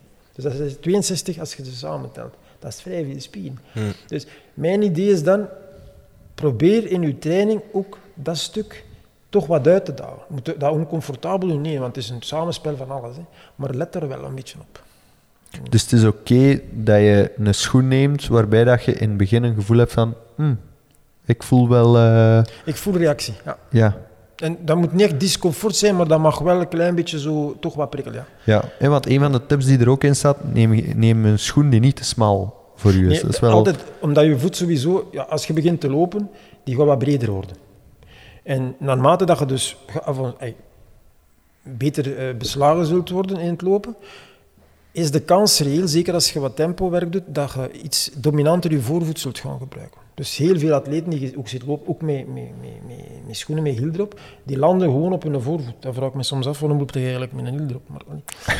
Eh, dus die doen dat. Dus da- dan gaat er veel meer druk op die voorvoet zetten en dan wordt die nog breder. Dus daar moet je echt op letten. Omdat als je dus met smalle schoenen loopt, dus bijvoorbeeld Nike, om de naam niet te noemen, ehm, die hebben dus de neiging om hun schoenen vrij smal te maken in het begin. Omdat die nog 20% meegeven. Maar dat is niet zo schoon in de talage. Die, als die direct zo breed zijn. Hmm. Dus die doen dat eigenlijk bewust wat smaller. Even, uw reactie op krijgen natuurlijk, maar zwart. Dat doet er niet toe. Maar dus, en dat is eigenlijk wat er gebeurt, je voet zet uit. En dus die, die schoen maakt dat niet belemmerd eigenlijk. hè. Dat is heel, heel belangrijk. Dus, maar nu zit ook wel een tendens, veel schoenen, buiten ik had nu gisteren aan, want dat was mijn broeks, had echt een, een, een brede voorvoet al. Dus dat zie je wel komen, omdat veel mensen dat... En hoe meer dat loopt, hoe breder dat... Dus net, die gaan niet blijven uiteindelijk, maar die gaat zijn een natuurlijke, voor u natuurlijke vorm terug aannemen. En dat mag natuurlijk, ay, dat moet in je schoen kunnen. Hè. Dat is heel belangrijk. Ja, om dan wel een merk te noemen. Topo is eh, zo'n merk met een heel brede voorvoet. Ja, Altra heeft dat ook. zo in zo'n Ja. En waarom daarom dat ik ook vaak eh, de tip geef, als je schoenen kiest, neem er even het inlegzoolken uit en gaat daarop staan en zet druk op je voet. En dan moet je zien dat je voet zelf, de buitenkant, op die inlegzool nog kan. Als die Ah, daar al over hangt, is die schoen te smal. Ook al voelt hij misschien, als je die aandoet, denkt je van, tja, nee, niet doen. Ja, want het kan soms zijn dat je dan hè, dat je een schoen kiest en dat je dan eh, bij lange afstanden pas na 20 kilometer door hebt. Oh shit, dit is echt te smal. Ja, ja dus je voet gaat Oké. ook wat uitzetten. Door, ja, dus vermoed het. Dus je moet dat echt op letten. En dat is zo'n tip. Dus vaak, de meesten kiezen op, op lengte, Mhm. de schoen. En ik geef het advies ook op breedte te doen. En Ja. soms kan dat wel een halve, een halve maat schillen of zo, dat je moet eh, een schoen nemen. Ja, dat wel heel Misschien-. Misschien nog één hardloopmisverstand dat we Ja, ik erbij halen. Looptechniek staan. Ja, maar hebben we het daar niet al een beetje over gehad? Ja, mijn vraag was eigenlijk nog, Ah ja, oké. wat is looptechniek? Om, om het... Gaat dat over die ellebogen waar we het daar net over hadden? Want het, voor mij botst het een beetje met wat je daarnet zei, van je moet natuurlijk lopen. Ja, maar, Maar als je techniek insteekt... Ja, maar de, de techniek die, die, die aangereikt wordt, is de, de bedoeling om dat terug wakker te maken, dat vermogen dan natuurlijk. Ja. We zijn dat kwijt. Ah, Ik ga even iets beschrijven. Ik ga er geen naam op plakken, want dan... eh, maar stel nu, stel nu dat je begint Heel te lopen. mysterieus. hè. Je, hebt bijvoorbeeld je hebt zo'n appje gedownload om te beginnen lopen. Ja, ja, ja. Een mooie stem die, En die je begeleidt. lopen, ja, zo. Nu, wat je dan ziet, en, eh, bijvoorbeeld, dat zijn groepen, dus, eh, beginnende lopers. Ja? Ja. Oké. Die zijn aan het wandelen. Want je hebt zo'n systeem, ik wandel een minuut, ik loop een minuut. En wat dat is. Die zijn aan het babbelen. En dan is er iemand vooraan, niet achteraan, want achteraan zou hem kunnen zien wat er aan het gebeuren is, dus hij loopt liever vooraan, dan moet hem niet kijken. Dat is het idee. Dus de begeleider roept op dat moment, nu lopen we. En iedereen babbelt gewoon verder, op dezelfde manier. En eigenlijk gaan die alleen wat rapper. Dus wat ik wil zeggen is dat er zit, je zit aan het wandelen en die wandelbeweging wordt als het ware, als ze geen aandacht aan techniek geven, verder gezet. Dus heel veel beginnende eh, lopers hebben een soort wandelbeweging ontwikkeld. die wel sneller is, ook evolueert, we moeten er niet negatief over doen, maar dat blijft in dat wandelen zitten. Dus dat krijg je zo, ze noemen dat nu de shufflepas. Dat is eigenlijk zo'n manier waardoor dat, hé, de, de benen blijven wel lager, ze maken hun paslengte alleen, niet te groot. Eh, dat is eigenlijk zo'n manier, ze schuifelen eigenlijk over de, vloer, over de grond verder. En dat komt eigenlijk vanuit die, die met, een beetje vanuit die methode. Dus wat dat eigenlijk zou moeten gebeuren, dat is op het moment dat je dus begint te lopen, en je zet een aan het volgen dat je gedownload hebt, op het moment dat je het signaal krijgt van, kijk, ik moet beginnen lopen, op dat moment zou je even ellebogen moeten beginnen bewegen, cadans van je benen zoeken en dan vertrekken. Dat is een totaal an- dan krijg dan een, loopbeweging. Want uiteindelijk, het grote verschil tussen lopen en wandelen, dat is dat bij lopen hebben we een zweeffase. Dus je twee voeten op een bepaald moment, hoe kort ook, zijn alle twee van de grond. Dus je hebt een... Dat heb je in het wandelen niet. In het wandelen heb je altijd één voet die eh, op de grond blijft. En nu is het zelfs zo dat men al een, een looptechniek heeft ontwikkeld, waarbij dat er één voet op de grond blijft. Ja, dat is dus wandelen, hè, in mijn ogen. Mhm. misschien ben ik te fanatiek natuurlijk daarin. Hè. Dus, Ja, dus, dus het gaat eigenlijk over... Technisch gezien moet je oppassen dat je niet gewoon aan het wandelen bent, maar dan Maar- wat sneller zo- of, ja. of aan het ja dat, dat- slefferen, allee, dat is geen woord, maar aan het schuifelen bent. Er is een, een groot verschil tussen wandelen Dus en lopen. En technisch moet je gewoon hoe, hoe het verschil weten eigenlijk. En dat zijn aandachtspunten. En maar dat mag natuurlijk wel zijn. In principe mag dat lopen op jouw manier zijn. Uiteindelijk evolueert jij volgens wat dat, naar een gracieuze loopmanier. Dus er, dat is geen dogma, maar die, die ankerpunten die in dat boek staan, zijn echt bedoeld om... Daar moet je even op letten. En dan komt dat... Dan, het- uw lichaam weet nog hoe, de- hoe dat je liep in uw kindertijd. Hm. Maar je moet alleen even voldoende daar naar terugdenken om terug in die richting te evolueren. En dan op, optimaliseer je wel. Dus het is niet dat, dat ik verwacht dat je je knieën zo of zo of zo hoog, maar het is wel een aandachtspunt. Ja. Bijvoorbeeld uw, uw pasfrequentie, het aantal stapjes dat je zet per minuut, daar hoorde van alles over vertellen. Maar eigenlijk eh, heeft dat te maken met je bloeddoorstroming. Daarom moet je die, die cadans zo hebben. Dus dat, je- dat je voldoende bloedcirculatie krijgt. Als je dat te traag doet, is dat te statisch, krijg je zware benen en die dingen. Dat, heeft dat, te- dat moet ontwikkelen, maar het is wel een aandachtspunt. Er moet wel iemand zeggen, verhoog nu je cadans een aantal keer, totdat je dat ontwikkeld hebt. Ja. En dan zie je dat ook dat, dat, dat werk is af. Mhm. Dat is bij iedereen op een natuurlijke manier. Dus als je tien topatleten naast elkaar die lopen, alle tien met dezelfde aandachtspunt, die gewoon alle tien hun, hun, hun knieën op een bepaalde frequentie tillen, hun ellebogen bewegen, hun nek op een bepaalde manier, hun zwaartepunt naar voren brengen. Maar dat gaat individueel verschillend zijn. Mhm. Het zijn die aandachtspunten die ik wil aanreiken. Ze moeten de voice-over van die app aanpassen, dat ze die aandachtspunten erin zetten. Kijk. Over welke app zal het niet toch gaan zijn? Ja, Renke, nu ben ik echt niet mee. Wil je het even... Je eh, moet stretchen. Is er nog een ander eh, misverstand? Het laatste, denk ik, als ik Ja. juist geteld heb. Nu, ja, dat is, eh, ja, dat is een, eh, een misverstand, omdat uiteindelijk, eh, ja, er is onderzoek dat hij aangetoond heeft dat dus spiertechnisch stretchen, dus statisch stretchen, dus je zet je tegen een boom, begin je te duwen, die boom omver, zo die dingen, Ja. eh, voor je training is zeer niet vast voor het rendement. Punt. Dat is aangetoond. vast, niet goed. Nee, dat is, dat is aangetoond, dat is niet vast. Nu, ehm, bij lopen ontstaat er een functionele stijfheid. Dus je hebt een bepaald aantal spiergroepen, of je Achillespees bijvoorbeeld, niet- die worden stijver en dat is efficiënter om die energie over te brengen. Dus het is niet de bedoeling dat je dat iedere keer ligt los te maken, want dat is je rendement dat je naar beneden helpt. Dat je ook in andere sporten. Ik, ga, een- ik kan een voorbeeld geven. In eh, muurklimmen zie je heel veel van die topatleten die hun armen beginnen zo te staan. Dus niet meer zo, want dat is niet efficiënt. Zo is wel efficiënt, dan kunnen ze veel sneller schakelen. Het is niet dus de bedoeling dat je dat terug begint. Die zijn gewoon functioneel verkort. Qua rendement veel beter. Dus dat ontstaat in het lopen. Dus daar moet je van bewust zijn. Als je dus rekt, niet elke rek is op dat moment oké. Waar ik wel voorstander van ben, dat is vooral eh, naar gewrichten toe. Daar wel eh rekoefeningen voor doen, dat die soepel blijven. Dus als ik denk aan mijn grote teen bijvoorbeeld, dat is een fundamentele gewricht in je afrolbeweging, Mhm. dat moet je losmaken. Zo'n zaken. En wat is dan het verschil tussen... Ja, maar dat is, ja, want dan kom ik rap snel, allee, of dan kom ik snel terug tot het woord. Wat is dan het verschil tussen het, het stretchen, het rekken van mijn teen en ehm, mijn, eh, ik zeg maar iets, hetgeen wat je bij voetbal heel vaak ziet, het ene been over het andere gooien en dan u, met je handen, je tenen Ja, proberen ja, dat- dat raken. dat Dat, is een statische stretch, hè? Dat is een statische stretch, waar dat ze, als ze dus over...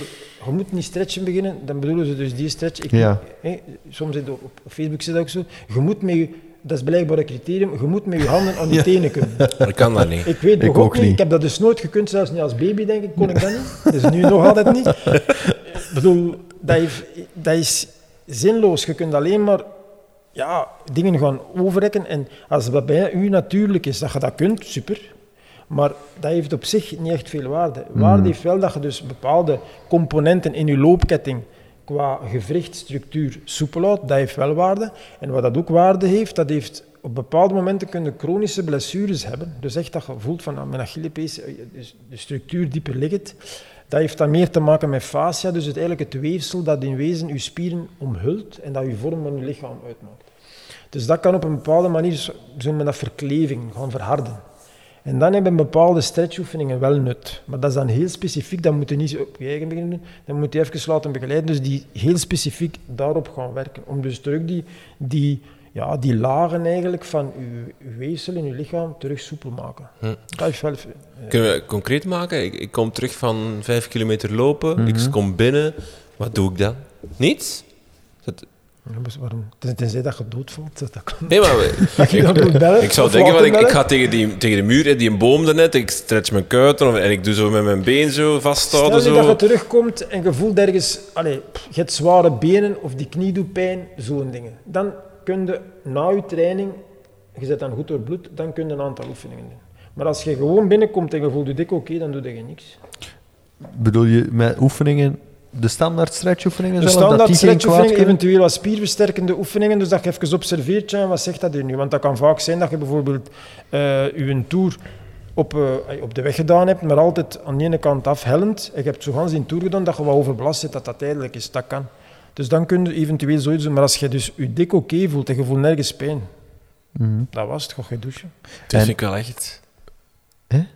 Ja, het is toch compleet anders dan wat dat algemeen heerst. Ik bedoel, wie, wie zit er niet stretchen Ja, na, maar- na het sporten, wie niet? Waar, Mijn atleten zitten niet stretchen. in, in, de, in de app die we daarnet niet wouden noemen, wordt het ook gezegd in de voice-over van zodat je zeker zelfs Ja, voordat je kijk, begint. eh, in de Want zelfs, zelfs stretchen voor het sporten wordt soms zelfs gezegd dat, dat, dat, dat, dat je het moet doen. Dus wat dat- dat wel gedaan wordt, en dat ben ik wel, dat is dynamisch stretchen. Dus je maakt eigenlijk je loopkettingen warm. Maar dat stelt als opwarmen. Ja. Dan ga je oefeningen doen die functioneel al geënt zijn op de loopbeweging die gaat komen. Dat mogen je perfect wel doen. Maar statisch stretchen, Hm, Oké. tenzij therapeutisch, zie ik daar eigenlijk eh, niet het van in. Is er een nut van ehm, massagetechnieken, en dan bedoel ik heel specifiek bijvoorbeeld drukpuntmassage, is er daar wel een nut? Ik- voor de mensen die, die denken, Dries, over ben je bezig? Eh, Bijvoorbeeld zo de typische foamrollers en mensen die de kuit uitrollen, is daar meer nut bij? Of? Meer nut, als er verklevingen zijn, ja. Absoluut. Dus dat, maar dat merk je dus ook als je een bewegingsbeperking hebt. Dus, dat dus vaak is een test, ah, heel veel van de atleten die ik dus test, hebben, ah, dat klinkt zo zwaar, maar mijn grote teen is ook niet van de flexibelste. Dat beperkt mij in mijn looprendement. Punt. Dat is bij mij, dat is bij u, dat is bij heel veel atleten. En dat zijn dus wel dingen waar dat bijvoorbeeld dat foamrollen voor gaat helpen. Ook uw kuiten, je kunt dat testen. Er zijn bepaalde eh, testen voor. Dat je dus de lengte van je kuiten gunstig gaat beïnvloeden als die te kort staan. Er is een test voor. Als die te kort staan, moeten die eigenlijk eh, proberen ja, terug op, re- op rek te brengen. En dat kunnen doen met foamrollen. Maar dan moet je wel eerst weten dat het ook zo is. hè. Je moet dat niet... Ik raad het doen van oefeningen niet aan als je niet weet waarom dat je zo aan het doen bent. Daarom Ja. heb ik ook een academie opgericht. Ik leg atleten uit wanneer doe je nu iets en wanneer niet. Dus heb je geen enkel idee, dan doe je er niks. Wat ik vooral interessant vind, is, is dat, dat, je, dat je zegt van... Doe iets als je het voelt. Doe iets als je voelt van... Oei, ik heb hier wel Ja. last. Doe dan iets. Ja, ja, ja. Terwijl Wat eigenlijk, eigenlijk heel logisch is. Want Ergens logisch, dat- maar, maar je doet soms ook dingen preventief. Of, of stretchen doe je om de dag daarna geen last te hebben, of om niet stijf te zijn, of om, om blessures te vermijden. Ga de, ga de stretchen in mijn wereld, maar dat is, dat is dan niet de Heb bedoeling. je er ooit al bij stilgestaan? Dat je als je dat doet, preventief, dat je een dag en nacht er pijn hebt doordat je gestretched hebt. Ja, misschien Ja. wel, ja. ja. Omdat je moet vanuit gaan, na een training, stel nu geen marathon gedaan. Hè? Ja. Maar echt die lipje. En je komt oké over de, de streep. Allee, je voelt je oké. Maar natuurlijk, u, al uw spieren hebben microruptuurtjes. Dat is schade. Ja. Dus dat gaat die stijfheid teweeg brengen. Je kunt zeggen van, ah, ik ga Je moet swingen. stretchen. Ik ga stretchen. Hè. Wat zijn je dan aan het doen? Je maakt dat groter. Of erger. Duw ze uit, allee, duw ze verder. En de dag daarna heb je dan nog meer last, verhoudingsgewijs.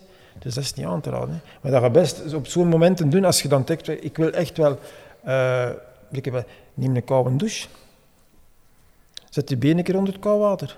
Dat zijn meer, ja, dat, is, dat zijn de dingen die, die veel gunstiger zijn. Gewoon bij Wim Hof. Dat is, Ja, dat straks. is, eh, dat dat is een andere aflevering. Mijn vriendin nogthans, iedere morgen staat hij op en die gaat onder een koude douche staan. Zeg. Oeh. Echt waar, ik zweer het. Dat is niet... Ik heb, dat, ik heb dat een tijd gedaan na het sporten eigenlijk. Maar op zich ja, zei ik niet slecht aan. Ja, zo zeggen ze dat. Nee, Ik doe het alleen, dus als ik, een, als ik bijvoorbeeld, als ik verwacht dat ik zware benen ga hebben, dan eh, bijvoorbeeld een koude douche, maar dat ook werkt, dat een vriend van mij doet dat trouwens, dat is eh tijgerbalsem. Dus je neemt een potje Nivea, je doet eerst je benen wrijven met Nivea, en dan doe je daar tijgerbalsem over en je doet een compressiekous aan.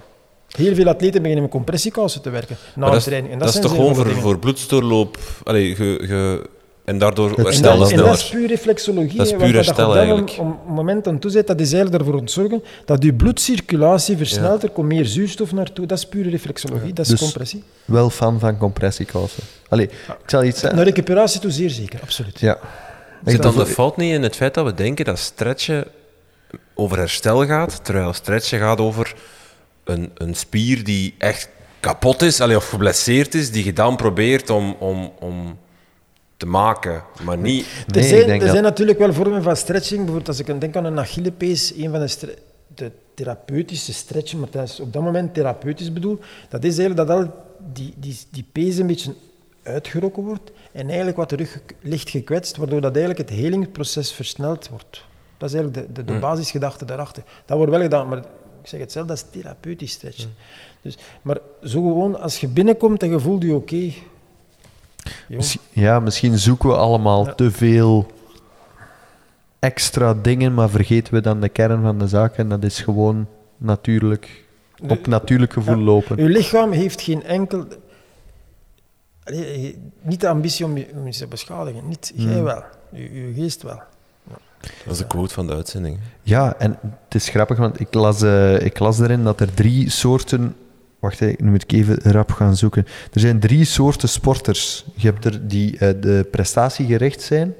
En wat ik heel leuk vond en confronterend anderzijds ook, eh daar stond in, eh, die houden zich graag bezig met, eh, met eh, de leukste of de mooiste loopkledij en de beste horloge en de beste schoenen te gaan zoeken. Zoals jij dus. ja, ik kon me daar heel hard bij aansluiten. Maar dan ook wel echt vol op de prestatie. Terwijl dat je... Je hebt ook hè, de belevingspersonen en je hebt de verdiepingspersonen. En als ik die twee lees, dan denk ik... Dus op zich is dat iets wat mij op langere termijn veel meer interesseert. Om iemand te zijn die die richting uitgaat. dan het Ik heb dat boek natuurlijk ook op een, op een bepaald moment geschreven, is een paar jaar terug. Ja. En je ziet wel inderdaad dat er veel meer bewust gelopen wordt. Ja. Dat is volledig veranderd. Dus je hebt nu eigenlijk, er is een ander type atleet opgestaan nu. Dus dat, zeker als ik naar mijn periode kijk, wij waren allemaal wedstrijdlopers. Je moest minimum bij een club zijn en stratenlopen doen. Allee, dat was zo de idee. En dan is dat eigenlijk begonnen, dus dat kwam marathon, het, het verhaal marathon kwam op en iedereen begon wel marathon, maar dat was eigenlijk ook nog vrij gericht. En iedereen wil dan binnen de vier uur of binnen de vijf uur. Allee, je, hebt zo ergens toch. Maar nu heb je eigenlijk een, een generatie van atleten dus die veel meer dat ultraverhaal genegen zijn, dat trailverhaal, dus wat dat tijden. Hij is echt puur beleving. Dus die effectief er desnoods eh, een paar dagen op uitgaan. Dus je hebt een totaal ander... En dat zijn ook andere atleten, want dat is ook een andere beweging. Dus de, traditionele loopbeweging is eigenlijk altijd hetzelfde. Alleen veel meer kilometers. Maar als je trail doet, doe je eigenlijk vier bewegingen. Doe je niet meer één beweging. Je gaat ook wandelen, bergop, bergaf, gelopen, bergop, bergaf. Dus je doet verschillende bewegingen. Dat is veel polyvalenter. Het zijn compleet andere atleten. Die denken ook anders. Is dat de reden waarom dat veel ultralopers of, of eh, mensen die in die wereld zitten altijd het gevoel hebben dat het gezonder is dan het marathon gegeven? Die druk zit veel, me- veel lager. Hè. Ah, Je ziet wel... Natuurlijk, er is altijd nog een stress, Allee, want ik ja. vind dat zo grappig. Omdat je Want kunt je wel wijzen ik ben in de natuur en er is geen stress, maar je wil even goed die streep halen. Hè. Ah ja, tuurlijk. Ja. En er komt toch stress bij, want je hebt altijd wel ergens, ja, ze, ze zullen wel de omloop eens sluiten, dus je hebt toch altijd ergens wel nog... Allee, er is altijd wel een vorm van Ja, ja. prestatie, maar die is veel chiller en de omgeving waarin dat je het beleeft is veel leuker. Want een stadsmarathon, qua omloop, tegen als je daar in de bergen aan het afziet zit, je ziet dat tenminste niet. ziet Maar je zei daarnet van, de nieuwe marathon is de 100 kilometer. Je, je merk je wel tegenover vroeger, hè, wat je er net misschien ook al zei, van ja, iedereen wil nu een marathon gelopen hebben. Ja. Het staat op de bucketlist van iedereen. Eh, eh, Dus ook de, bij ons spreken, persoon die 30 jaar een zittend beroep heeft gehad, die dan denkt, goh, ik ben 50, ik ga een keer een marathon lopen, ik geef mij twee jaar of zo. Hoe, hoe kijk je daarnaar? Denk je van, dat is op zich goed, want dat wil zeggen dat meer mensen uitdagende sportdoelen stellen? Of denk je van, pas toch op, want een marathon is niet voor iedereen? Kijk, ik ben voorzichtig daarin, want ik kijk soms naar Strava en naar Facebook, wat dat ze allemaal niet doen om likes te krijgen. Hè. dus, eh, en dat motiveert ook, dat is, dat is dan het positieve. Je stapt uit je zetel om iets te gaan doen. Maar soms heb ik zo het gevoel, er is een opbod bezig. Wat als je nu dat niet kunt en je gebuur wel? Hm. Is dat belangrijk? En bij recreatieve lopers zie je dat wel, ook wel wat spelen. Zo. En dan krijg je natuurlijk een opbod even in prestaties. Dus de ene loopt een marathon, ah, ik ga 50 kilometer doen. Ah, 100. Ik ga twee dagen na elkaar lopen. Zo van die dingen. Dus je krijgt nu een walhalen. Dus op zich is dat natuurlijk zeer tof, omdat de, de menselijke capaciteit wordt uitgedaagd. We leren veel bij. Dat is tof. Je kent je leert je eigen grenzen kennen. Maar aan de andere kant, je zult maar net niet. Hè. Kan iedereen een marathon lopen? Eerlijk Zelfs gezegd, met topbegeleiding? ja. Dan kan iedereen het. Nee, topleid, je verstand gebruiken. Ik ben daar 100% van zeker. Ja. Dat spijt me eh, om dat te moeten zeggen. Oh, je spijt me. Maar ik denk dat echt oprecht wel, ja. Ja. Maar ik zet hier geen tijden, hè. Nee, nee, nee. nee, nee. Maar Is het is gewoon de inspanning Ik van... weet dat in, ik kan dat, ik kan dat overbruggen. 42 kilometer. Ik, kan Kan, ieder- kan iedereen 100 kilometer lopen? dat. ik denk dat daar al eh, een ander niveau van Dat is, dat is twee marathon en half. Hè. Ja, ja. Maar ik, ben gewoon, vraag me gewoon af van... Je hebt talent in sport, je hebt, je hebt eh, duurvermogen en sommigen hebben een gigantische motor al van hun eigen en sommigen hebben dat niet. Wat is zo de grens van wat dat je nog kunt aanleren aan iemand, ook aan een hele slechte sporter, om, het, om dat woord slecht te gebruiken, wat eh, In de niets marathon betekent? kun je echt, allee, met een goede ingrid, uiteindelijk is dat 4 keer 10 kilometer, dus dat kun je perfect nog. Maar een 100 kilometer, dat is Dat is maar 10 keer 10 kilometer. Ja, ja maar de- Zegt de man die de 10 miles niet gehaald heeft. Niet gelopen heeft. Ja. dus, eh, nee, maar mentaal, dus de mentale Ja, ja. component. En ik vraag me af... Is dat dan het moeilijkste, denk je, de ik, ik, mentale? heb, ik heb ooit een, een, een at- atleet gevolgd. eh, ik ga die zijn naam zeker niet noemen, want dat, is- dat ligt voor bepaalde mensen Ja. die ik heel goed ken nog wel gevoelig. Maar de, die ging zodanig extreem in het ultraverhaal dat die eigenlijk depressief begint. Er, is geen eind, er moet een eindpunt zijn voor jezelf, snap je? Je kunt altijd verder willen gaan. Ja. Maar dat is eindeloos, dat vat. Hè. Wanneer Ja, dat- is het oké? En dat is mijn zorg wel een beetje. Wanneer stopt het? En 100 kilometer, dan zijn echt wel een tijd bezig. want De meesten gaan daar... Ja, we zijn niet allemaal Jean-Paul Praat, die daar zes uur en, en, en, en- en een paar seconden over doet. Ehm, dus de meesten gaan daar 12 uur over doen. Zoiets. Dat is heel lang bezig zijn. Mentaal is dat heel zwaar. Je gaat dus een marathon lopen, nog eens een marathon lopen en dan beseffen, ik ben er nog altijd niet, dan moet ik nog eens een halve marathon doen. Hm. Dus, en dan vraag ik me af, wat wilt je als mens mentaal? Moet dat of moet dat niet? Ik weet dat niet. Dat is een vraag die ik echt niet kan beantwoorden. Dus, nee. dat, is, dat is iets, ik denk dat je daar grenzen over gaat. Dus een van de, de mooiste atleten die ik ooit gekend heb, is een Italiaan. En wel, die, die zaten in die cocon, uiteindelijk plegen die zelfmoord. Ja. Dus omdat je zodanig in die druk begint te blijven zitten voor jezelf, het is nooit genoeg. Mhm. Ja, ja. En je moet op een bepaald moment zeggen, de essentie is dat je gelukkig wordt. Hè. En als je kunt zeggen, ik ben gelukkig in wat ik doe, dan gaat dat niet. Maar als dat altijd... Ja, en sporten is Ja, Allee, dit- dit- sporten maakt u gezond. Dan moet het wel blijven natuurlijk. Maar sommige heb ik echt, stel ik me daar oprecht de vraag bij, is dit nog gezond? Ik kan dat soms heel grappig vertellen, en dan, niet- maar ik bedoel dat oprecht wel.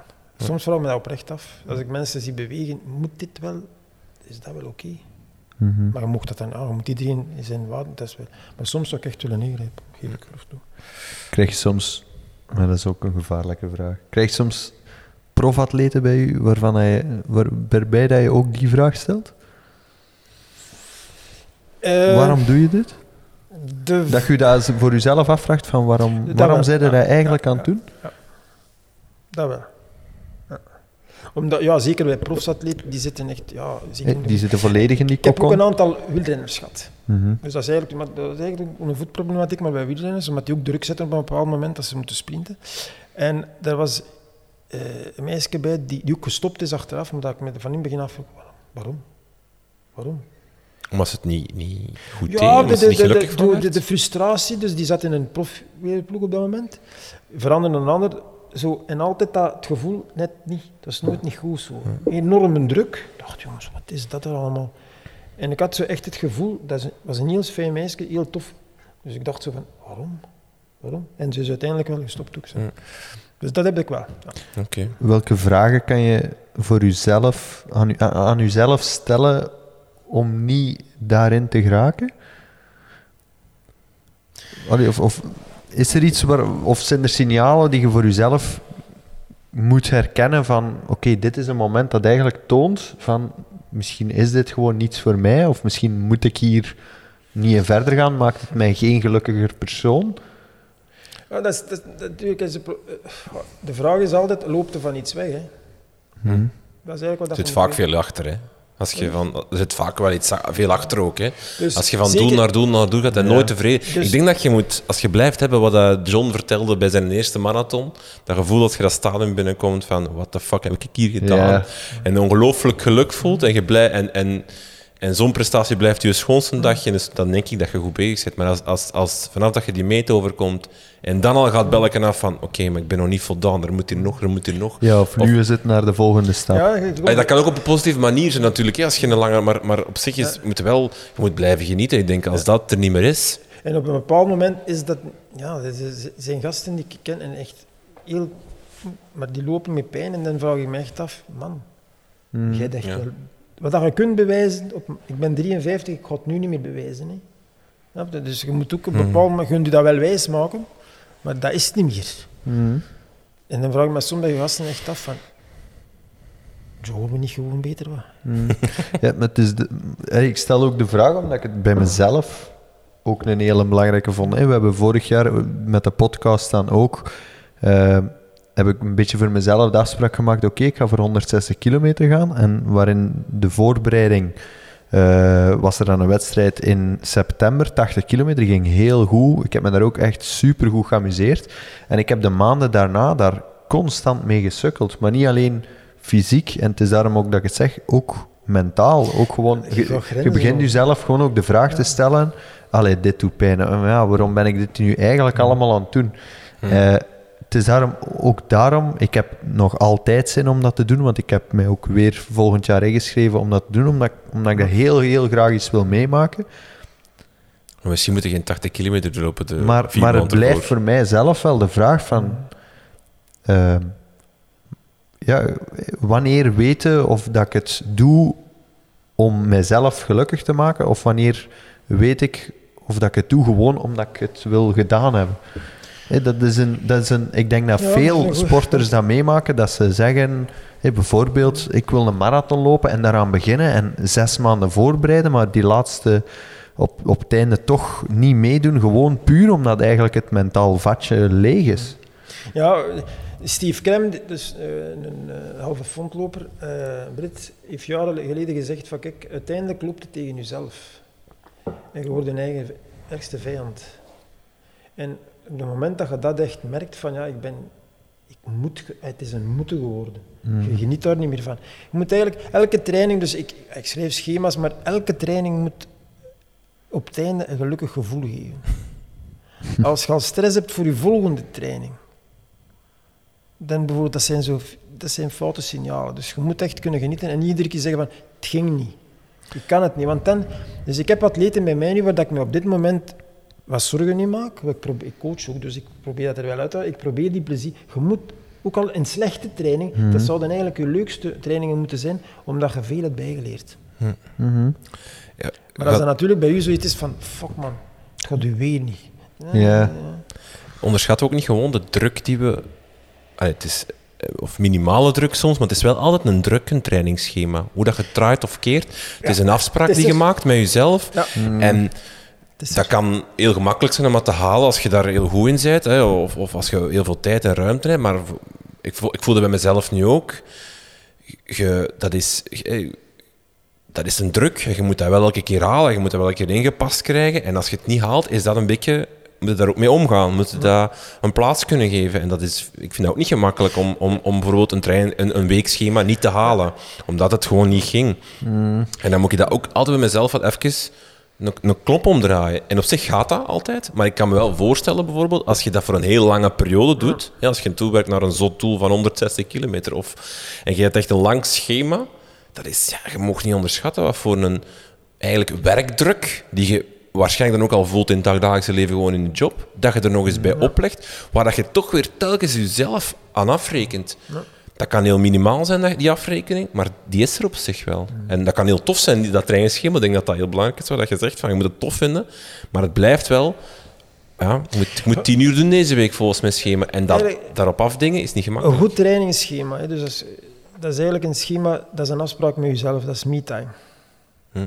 En dat is een houding die, die, die, die, dan is dat niet erg.